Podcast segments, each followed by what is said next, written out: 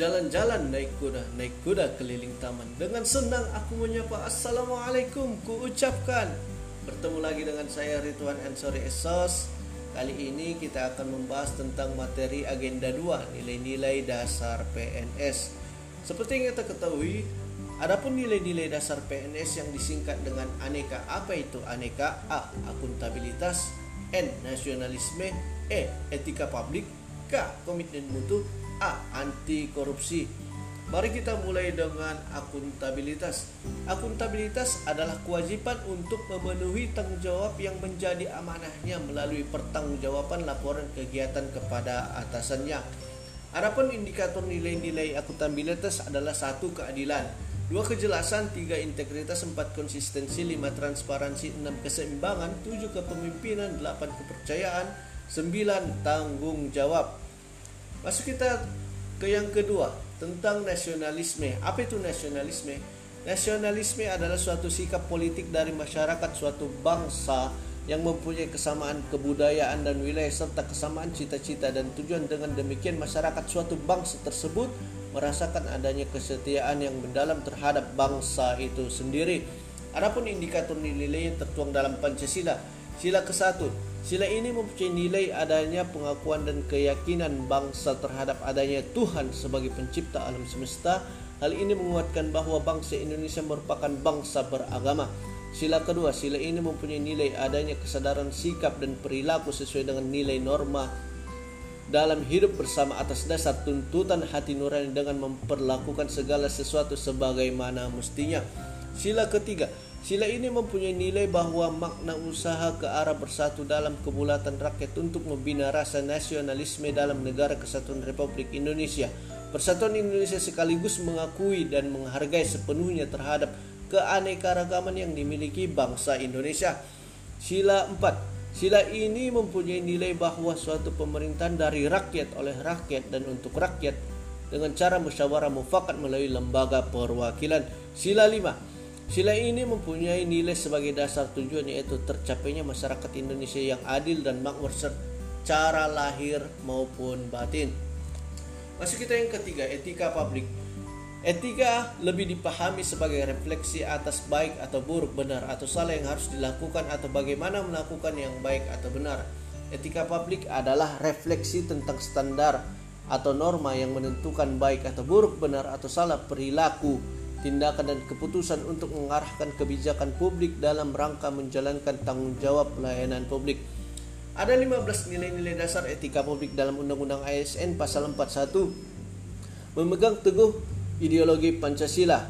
2. Setia dan mempertahankan UUD NKRI 1945 serta pemerintahan yang sah. 3. Mengabdi kepada negara dan rakyat Indonesia. 4. Menjalankan tugas secara profesional dan tidak berpihak.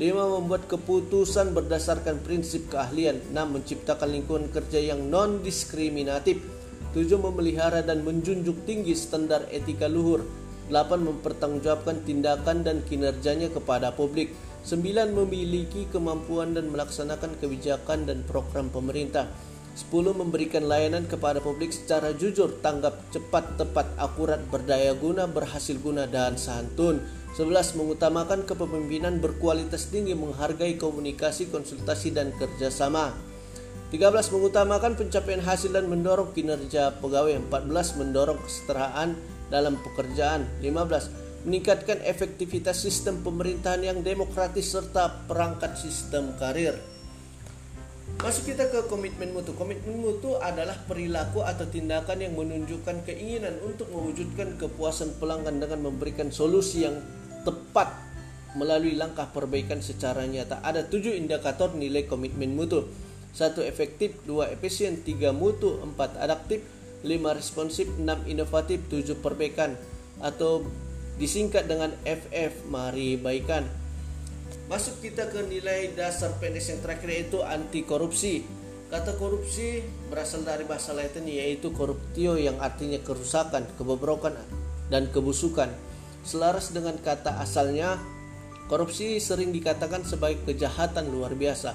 Salah satu alasannya adalah karena dampaknya yang luar biasa menyebabkan kerusakan baik dalam ruang lingkup pribadi, keluarga, masyarakat, dan kehidupan yang lebih luas. Kerusakan tersebut tidak hanya terjadi dalam kurun waktu yang pendek, namun dapat bertampak secara jangka panjang. Adapun indikator nilai dasar anti korupsi satu jujur lurus hati tidak curang tidak berbohong serta konsisten dengan apa yang dikatakan dan yang dilakukan. Dua mandiri. Keadaan yang dapat berdiri sendiri tanpa bergantung pada orang lain. Tiga peduli. Mengindahkan memperhatikan dan menghiraukan serta melibatkan diri pada persoalan keadaan atau kondisi di sekitar. Empat adil.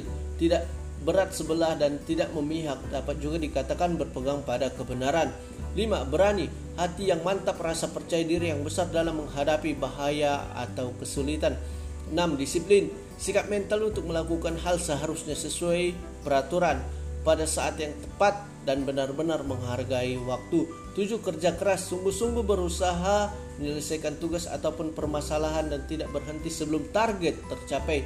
8. Tanggung jawab, menyelesaikan tugas sesuai amanah dengan baik, tidak mengelak berani menghadapi dan memikul segala akibat atas pekerjaan yang dilakukan. Sembilan, sederhana, menggunakan sesuatu secukupnya dan tidak berlebih-lebihan atau biasa disebut dengan jumpa rani di kertas. Mungkin hanya ini yang dapat saya sampaikan. Saya akhiri dengan pantun.